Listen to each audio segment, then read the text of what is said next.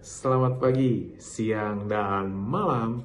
Salam olahraga. Kita kembali ke kabar bola basket dari NBA.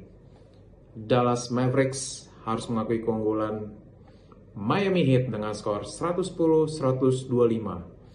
Utah Jazz berhasil mengalahkan Sacramento Kings dengan skor 119-113. Phoenix Suns berhasil mengalahkan Pelicans dengan skor 112-100 dan Los Angeles Lakers berhasil mengalahkan Houston Rockets dengan skor 119-117 di mana LeBron James berhasil mencetak 30 poin 10 assist.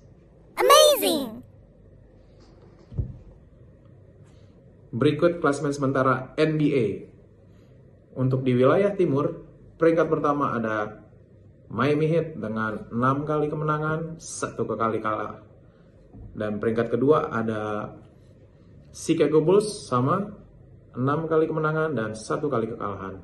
Dan peringkat ketiga ada New York Knicks dengan 5 kali kemenangan dan dua kali kekalahan. Untuk di wilayah barat, peringkat satunya ada Utah Jazz dengan 6 kali kemenangan, satu kali kekalahan. Peringkat kedua ada Golden State Warriors dengan 5 kali kemenangan, satu kali kekalahan.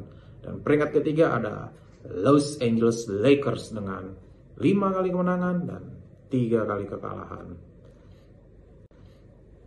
Dan untuk pertandingan besok di NBA yang menurut saya ada yang menarik ada dua pertandingan yaitu mempertemukan Golden State Warriors bertemu dengan Charlotte Hornets dan game keduanya ada Philadelphia 76ers akan bertemu dengan Chicago Bulls kita lihat pertandingannya siapa yang menang semoga aja seru pertandingannya sampai menit terakhir sampai detik terakhir.